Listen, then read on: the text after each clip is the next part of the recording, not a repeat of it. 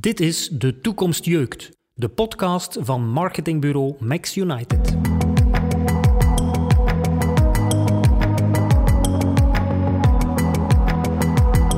Kurt Ostin en Cies Scherpreel in gesprek met experten en ondernemers die prikkelen met hun visie over marketing en ondernemerschap.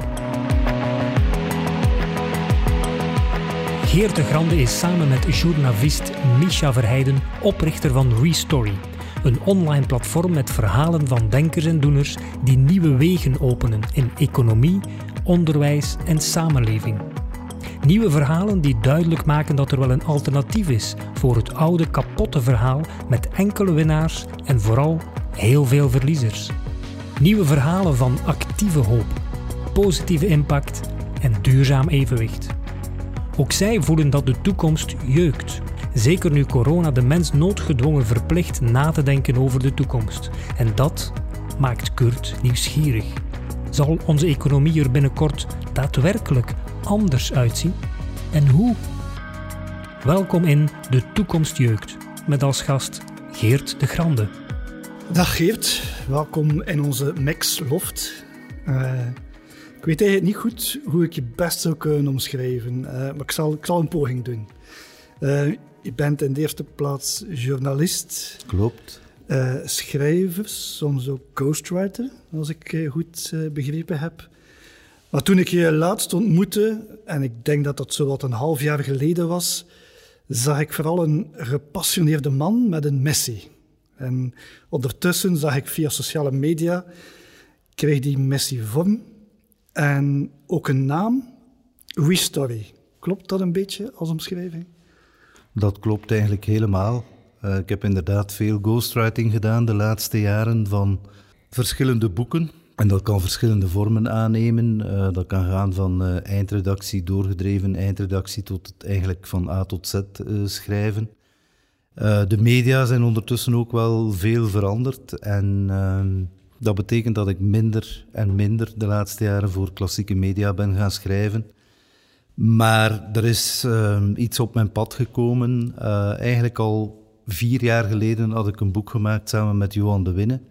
En dat heette Ze maken ons kapot, meneer. Johan de Winne, dat was, of dat is? Uh, Johan de Winne is een man die zeer bekend geraakt is als de rijkswachter met de pet in de zaak Dutroux. Oh. Die was uh, het hoofd van het identificatieteam dat uh, elke dag verslag uitbracht over de toestand van de opgravingen naar eventuele lijkjes. Ja. Ja, ja, is ondertussen al lang op pensioen bij de Rijkswacht, want dat mocht toen nog, toen dat ze vooraan in de 50 waren. En die heeft een coachingbedrijf opgericht en dat uh, richt zich eigenlijk op leiderschap. We hebben dat boek geschreven om eigenlijk een olifant in de kamer te benoemen, zijnde de medeverantwoordelijkheid, niet de schuld, maar de medeverantwoordelijkheid van leidinggevenden in het hoge aantal burn-outs. Omdat je niet naast die cijfers kan kijken er zitten in ons land 400.000 mensen langer dan een jaar thuis, die eigenlijk de rat race of de tredmolen niet meer aankunnen. En uh, toen we dat boek geschreven hadden, zagen we eigenlijk dat er uh, ja, weinig veranderde. Je hebt tientallen initiatieven rond wendbaar en werkbaar werk gehad. Je hebt uh, coaches uh, die van alles doen om mensen weerbaar te maken. Je hebt coaches die, die mensen begeleiden na een burn-out. Maar elk jaar zien we die cijfers rond uh, betrokkenheid, rond absenteïsme.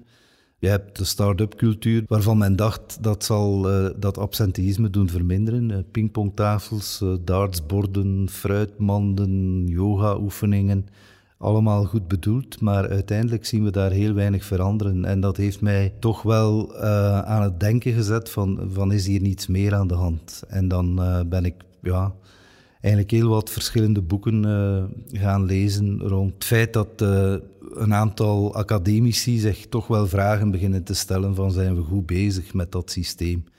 Dat niet alleen veel mensen naar een crisis leidt, maar dus eigenlijk ook wel heel schadelijk is voor de planeet.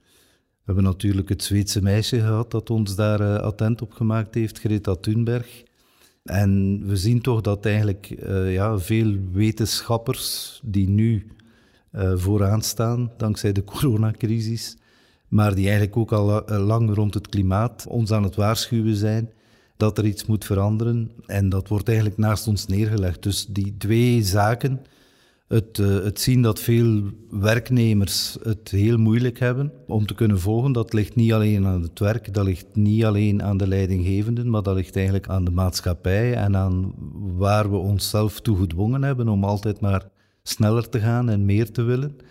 Dus dat is de, het ene aspect. En het andere aspect is inderdaad die bedreiging voor de planeet met de bosbranden in, in Australië en, in Brazilië, met het, uh, het verdwijnen van de biodiversiteit, met de overstromingen in Venetië, we hebben het allemaal gezien.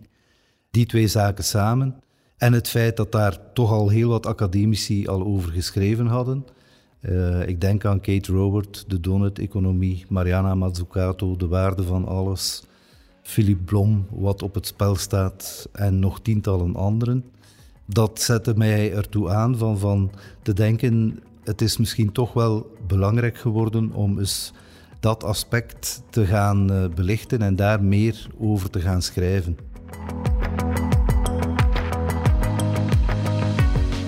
Waar de motivatie van Geert vandaan komt is intussen duidelijk. En ook wat hij wil doen begrijpen we. Hij wil er mee voor zorgen dat mensen de ogen openen en hun gedrag aanpassen zowel op vlak van klimaat, economie en work-life balance. Maar zijn daar niet al bibliotheken vol over geschreven? Waar denkt hij het verschil te kunnen maken? We hopen het verschil te maken met Restory door de verbanden die daar tussen liggen duidelijk te maken. De coronacrisis is er nu, kunnen eigenlijk niet anders dan het erover hebben. Uh, maar veel mensen zien nu pas eigenlijk ook, denk ik, het verband tussen een dergelijke pandemie en het feit dat we de planeet zoveel uh, schade berokkenen. Maar hoe Story is gestart voor de coronacrisis. Absoluut. Spreekt over we. Uh, er is een compagnon de route, als ik me niet vergis, ja. in dit verhaal ook. De compagnon de route is Micha Verheijden, een Amsterdammer die door de liefde in Gent terechtgekomen is die ik ook al uh, een tiental jaar ken, met wie ik ooit eens een koffie was gaan drinken. En, en we voelden dat we op dezelfde golflengte zaten. En we hadden toen gezegd, ooit gaan we misschien nog iets samen doen, zonder dat daar toen een concrete aanleiding voor was. En zoals dat dan gaat in het leven, op het juiste moment, denk ik, kom je dan de mensen uh, terug tegen met wie je ja, een ondernemersavontuur wil starten. Wat uh, Restory dus uiteindelijk is nu. Ik weet niet of u het zich nog herinnert, maar ons laatste gesprek was ook met een koffie. was ergens van Brugge of Gent, ik weet het niet meteen wat het uh, was. Maar het was toch ergens augustus vorig jaar. En we hadden het toen al uh, over de dreigende toekomst op vlak van klimaat, economie, armoede. En ik herinner mij dat ik, uh, toen hij jou bekende, dat ik eigenlijk zelf al een beetje cynisch aan het worden was op dat vlak. en dat is tegen mijn wil en tegen mijn overtuiging. Maar ik zag niet hoe de dingen zouden kunnen veranderen. Tenzij er, zoals de geschiedenis ons helaas leert, een grote oorlog, een revolutie of een catastrofe ons daartoe zou verplichten. En, en toen kwam, ja, out of the blue, eh, COVID-19. We staan nu noodgedwongen op een pauzeknop. Moeten we misschien wat blij zijn zelfs met uh, wat er gebeurt? Het hangt een beetje af van de situatie waarin mensen zitten. Ik kan mij voorstellen dat, dat mensen die nu ineens een job kwijt zijn, uh, die grote financiële onzekerheid hebben, dat die uh, ja, daar eigenlijk helemaal niet uh, blij mee zijn. En dat die ernaar verlangen dat alles zo snel mogelijk terug normaal, tussen aanhalingstekens, wordt. Anderzijds denk ik wel dat we als maatschappij ja, toch wel blij mogen zijn met die grote schok, omdat het iedereen zo direct raakt en veel directer raakt dan de klimaatproblemen en de tyfoons en de orkanen die we dan aan de andere kant van de wereld zien, maar die we ja, ook naast ons neerleggen. Dus nu raakt het iedereen in heel de wereld en uh, dat is toch wel een kantelpunt dat uh, een hefboom kan zijn om dingen inderdaad anders te gaan doen en, en om na te denken over hoe we die dingen anders kunnen doen. We horen het wel vaker. COVID-19 is een kans. Het geeft iedereen de tijd om even de pauzeknop in te drukken en na te denken over de routine waar we al dan niet tevreden in leven. Is dat echt hoe we de coronacrisis moeten bekijken? Wordt alles anders en beter?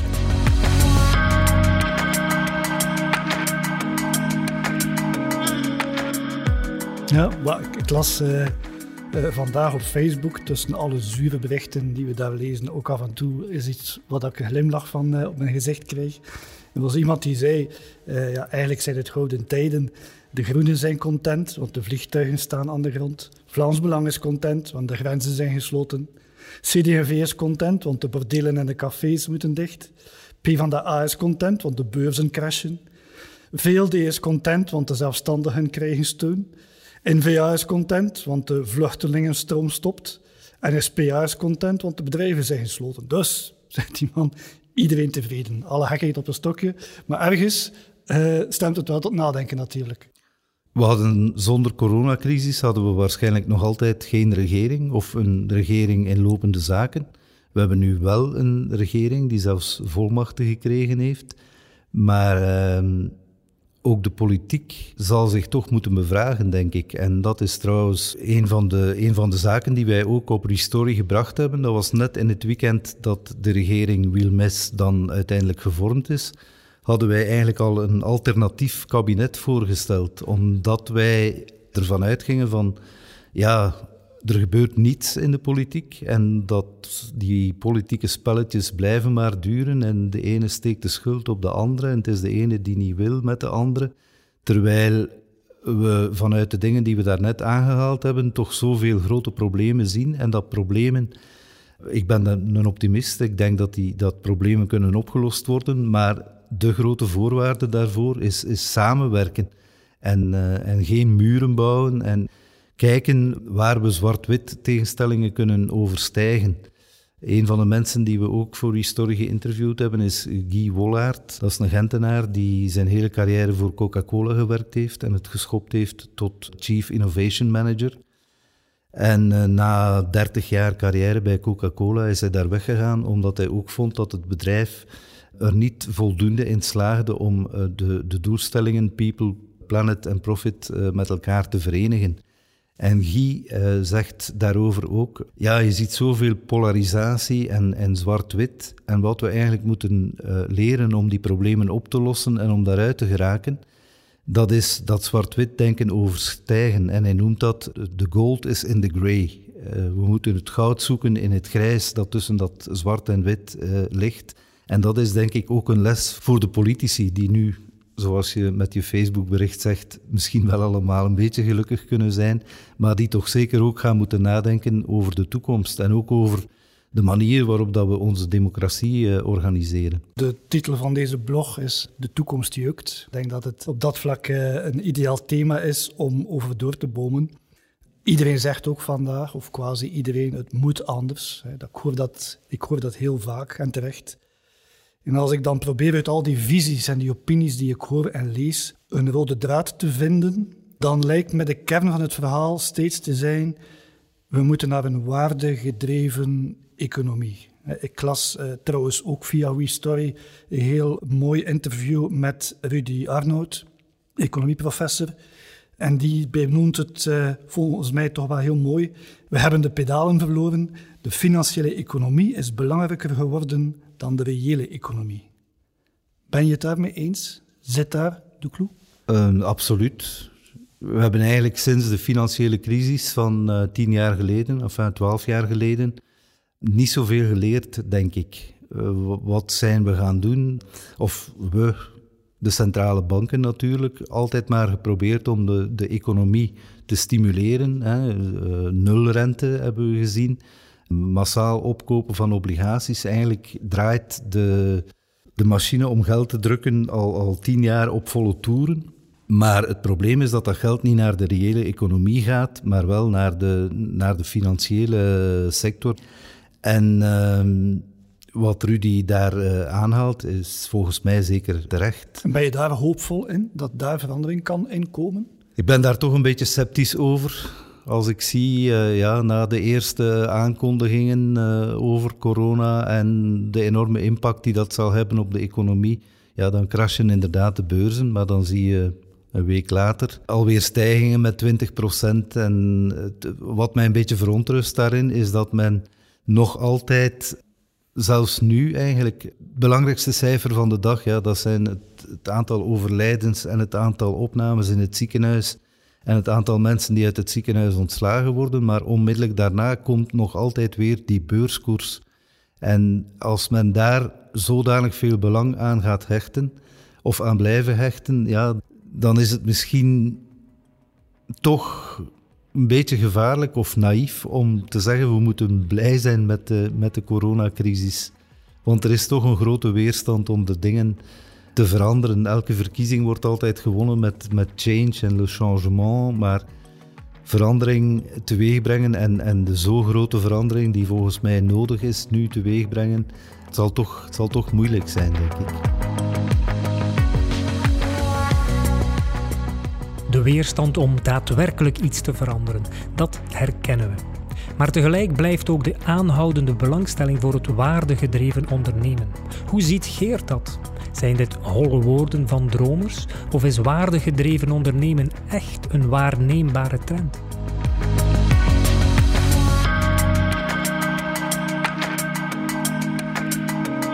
Ja, daar is ook al veel over gezegd natuurlijk. Hè? Maar uh, in, in, Nederland heb je uh, een aantal aandrijvers daarvan. Die mensen uh, Ron van S en ehm, Kees Klomp, die organiseren elk jaar de, de Purpose Day. Die zijn daar enorm mee bezig. Eh, het gaat ook over economie anders onderwijzen. Zeggen dat de, de, de uitspraak van Friedman dat uh, de enige reden voor een bedrijf winstmaximalisatie voor de aandeelhouders is, die er nog altijd ingedramd wordt, ook in economiecursussen vandaag, dat die uh, ja, absoluut niet meer kan toegepast worden. Dus dat gaat over een, een mentaliteitsverandering. Ik denk wel dat dat, dat eh, bij veel ondernemers al leeft. Uh, op Restory hebben we het ook over denkers en doeners. Dus we willen absoluut ook aandacht besteden aan doeners die los van theorieën van academici eigenlijk vanuit de buik al waardegedreven ondernemen, die echt goed bezig zijn met hun werknemers. En zie je daar dat, dat dat hand in hand kan gaan, dat, dat, dat je op een rendabele manier duurzaam kan ondernemen? Zijn dat specifieke voorbeelden die u nu meteen te binnen schieten? Dat kan zeker hand in hand gaan. En daar zijn inderdaad uh, al duidelijke voorbeelden van. Uh, een van de voorbeelden die ik graag noem is uh, Upgrade Estate. Dat is een Gens bedrijf gespecialiseerd in studentenhuisvesting. Die zijn eigenlijk al tien jaar bezig met de manier waarop dat uh, studenten koten, tussen aanhalingstekens, verhuurd worden, helemaal anders te bekijken. Die werken ook met studentencoaches bijvoorbeeld en die trekken dat nu ook door. Dus uh, hun, hun studentenverblijven, dat is uh, Upcot, maar die trekken dat nu ook door naar Upliving. Dat is eigenlijk een, een vervolg waarbij dat ze aan jonge professionals de kans geven om ja, bij wijze van spreken het studentenleven nog een beetje voor te zetten op dezelfde manier. En die, die, die zijn enorm waardegedreven, die, die halen ook zeer goede financiële resultaten. Er is een boek geschreven in Frankrijk uh, door Isaac Getz en Laurent Marbaché. Dat heet L'entreprise altruïste. En voor dat boek zijn die wereldwijd dus gaan kijken naar bedrijven die echt helemaal vanuit, waarde, vanuit het waardedenken hun onderneming leiden en sturen. En daar staan ongelooflijke voorbeelden in. Een die mij nu te binnen schiet is ergens een, een, een, visverwerkend bedrijf in Japan. Dat zijn medewerkers het dubbele of het driedubbele loon betaalt dan de concurrenten. En waarvan iedereen zei, ja, maar binnen de kortste keren gaan die failliet. En toch blijkt dat die uiteindelijk betere financiële resultaten halen. En naarmate dat die voorbeelden steeds meer gaan doordringen, denk ik wel dat dat uh, goed komt met dat waardegedreven ondernemen. En ik denk, ik ben er eigenlijk ook zeker van dat dat een must is voor bedrijven om. Ja, we hebben het dikwijls over de drie P's, People, Planet, Profit. Maar we kunnen ook spreken over welvaart, het financiële, uh, welzijn en welbevinden. Dus om die drie dingen te combineren. Ik weet niet of dat je het boek kent, The Positive Sum Game van Herman Toch en Anne Maas.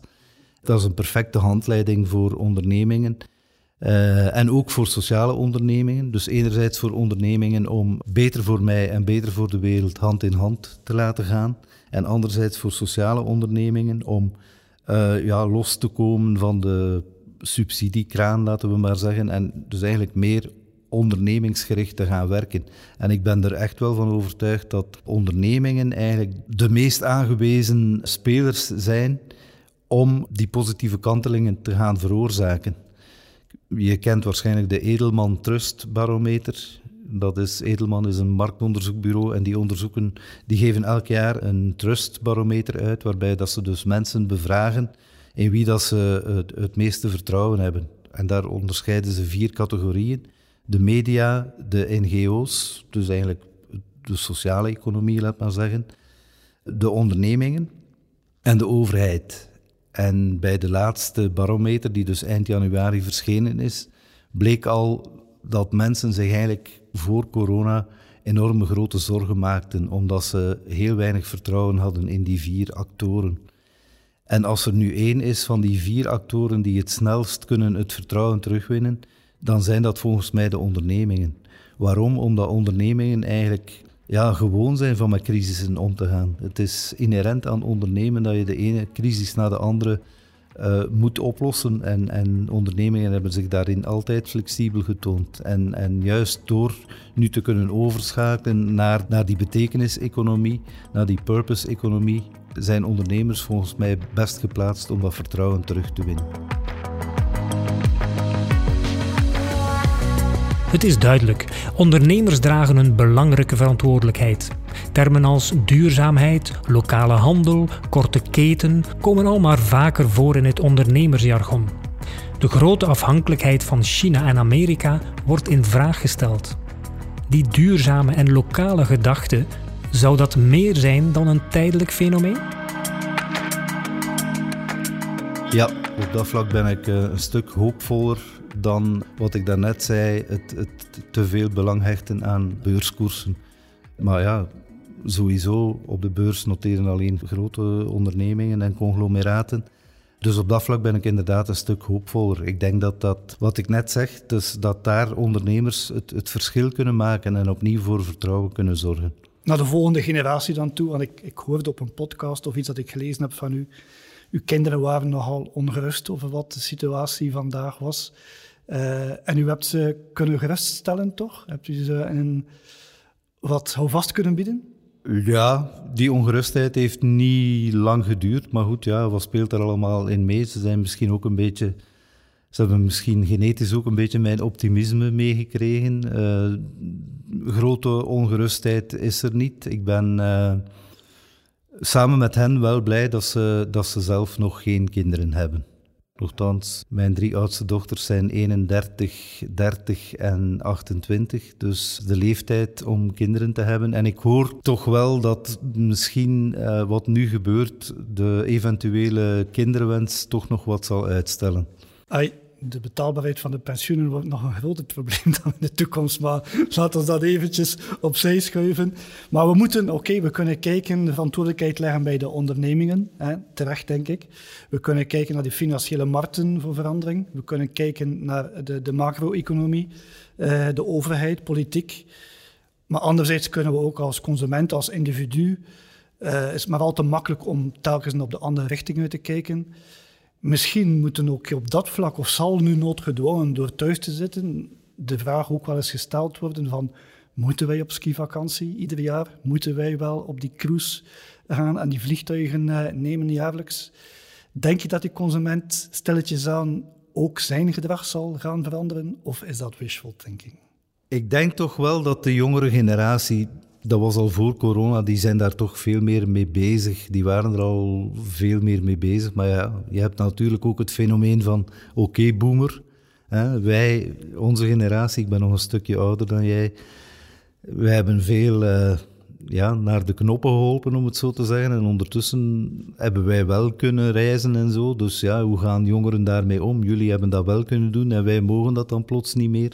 Dat is nog altijd een, een vraag natuurlijk. Maar in ieder geval is het zo dat individuele beslissingen veel kunnen doen. En je ziet toch ook bij veel jongeren, je hebt toch veel jongeren die vegetariër zijn of veganist zelfs.